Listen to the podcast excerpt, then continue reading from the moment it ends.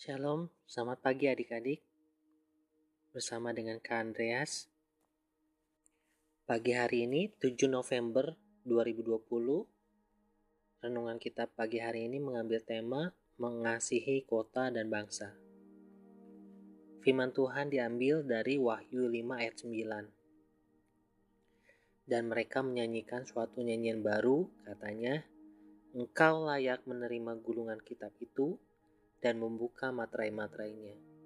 Karena engkau telah disembeli dan dengan darahmu engkau telah membeli mereka bagi Allah dari tiap-tiap suku dan bahasa dan kaum dan bangsa. Yeremia 29 ayat 7 Usahakanlah kesejahteraan kota ke mana kamu aku buang dan berdoalah untuk kota itu kepada Tuhan sebab kesejahteraannya adalah kesejahteraanmu. Adik-adik, baru saja kita memperingati Hari Sumpah Pemuda, di mana pemuda-pemudi bersumpah bertumpah darah yang satu, tanah air Indonesia, berbangsa yang satu, bangsa Indonesia, dan berbahasa persatuan, bahasa Indonesia. Adik-adik, kalau kita baca kisah bangsa Israel, beberapa kali mereka harus dicerai beraikan dan dibuang keluar dari tanah air mereka karena pelanggaran mereka sendiri. Namun, walaupun demikian, Tuhan tetap berjanji untuk mengumpulkan mereka kembali setelah genap tahun penghukuman mereka, dan terbukti demikian. Pengalaman kakak adik-adik, kalau kita berangkat dari latar belakang yang sama, biasanya kita akan mudah menopang satu sama lain. Contoh, kalau kita dahulu orang berdosa dan sekarang diselamatkan, kita tentunya ingin orang lain pun selamat bukan? Sama-sama mengalami masa sulit misalnya di masa lampau. Kita belajar untuk saling menguatkan dan menghibur. Apalagi di situasi sekarang, banyak orang-orang di sekitar kita yang mengalami kesulitan. Ini waktunya kita untuk peduli. Adik-adik tahu Ahok kan? Bagaimana dulu serpak terjangnya menghadapi para koruptor Rindu gak sih adik-adik semakin banyak ahok-ahok yang bersih, anti korupsi, dan berjiwa sosial? Kalau iya, mungkin adik-adik salah satunya penerus ahok. Kejarlah keadilan. Itu Paulus yang ingatkan pada Titus. Artinya kalau kita melihat ketidakadilan, kita ingin di sana ada keadilan. Misal, teman kita dibully nih, kita jangan ikutan ngebully. Justru kita harus menghentikan bulian tersebut.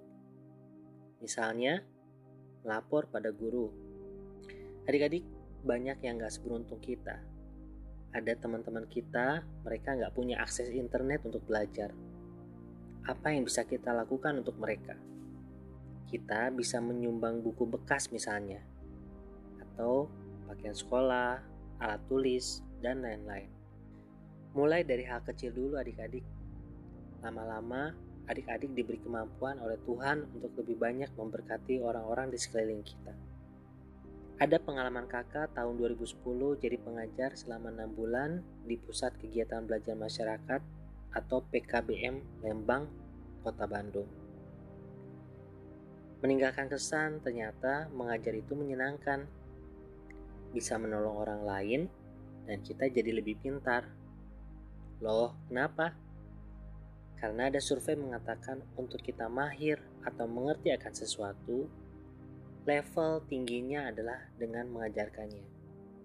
Kemudian adik-adik, berdoa untuk bangsa adalah cara kita peduli bangsa kita. Berdoa untuk Indonesia adik-adik, karena pemerintah tidak mudah membuat keputusan untuk menolong masyarakat di masa pandemi ini. Tapi puji Tuhan, sedikit demi sedikit masyarakat terus dibantu lewat BPJS, BLT, prakerja, dan lain-lain. Berikutnya, berdoa juga untuk suku-suku bangsa. Tahukah adik-adik, kakak pernah berdoa untuk Papua. Puji Tuhan, di ABCC ini kakak bisa ketemu dengan anak-anak Papua. Malah ditambah ada yang dari Sumba, Manado, dan berbagai kota. Senang sekali adik-adik. Akhirnya, kesimpulannya, hidup penuh arti di dalam Tuhan. Jadi terus semangat di dalam Tuhan Yesus ya adik-adik, mengasihi Indonesia dan suku-suku bangsa. Tuhan Yesus memberkati.